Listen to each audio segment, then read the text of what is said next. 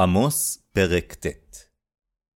ראיתי את אדוני ניצב על המזבח, ויאמר, הך הכפתור, וירעשו הסיפים, ובצעם בראש כולם, ואחריתם בחרב אהרוג. לא ינוס להם נס, ולא ימלט להם פליט. אם יחתרו בשאול, משם ידי תיקחם, ואם יעלו השמים, משם אורידם.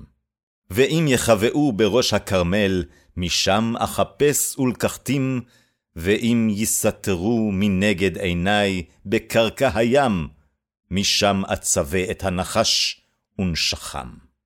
ואם ילכו בשבי לפני אויביהם, משם אצווה את החרב והרגתם, ושמתי עיני עליהם לרעה ולא לטובה.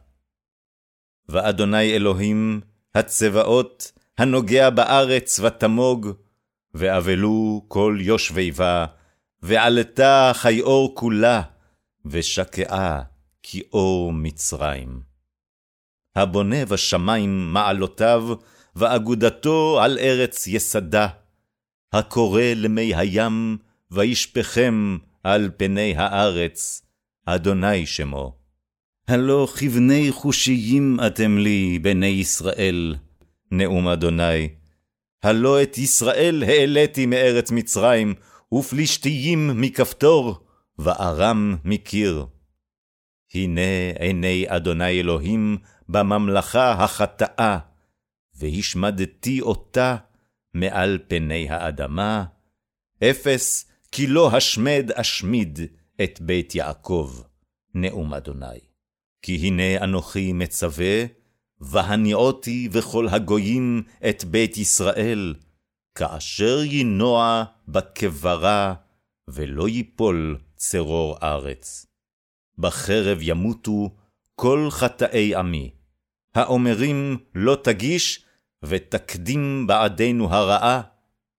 ביום ההוא אקים את סוכת דוד הנופלת, וגדרתי את פרציהן והריסותיו אקים, ובניתיה כימי עולם. למען ירשו את שארית אדום וכל הגויים, אשר נקרא שמי עליהם. נאום אדוני עושה זאת.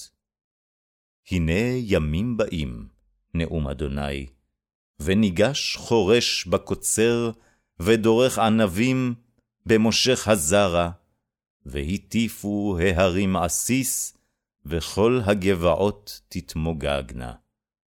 ושבתי את שבות עמי ישראל, ובנו ערים נשמות וישבו, ונטעו חרמים ושתו את יינם, ועשו גנות, ואכלו את פריהם. ונטעתים על אדמתם, ולא ינטשו עוד מעל אדמתם, אשר נתתי להם, אמר אדוני אלוהיך.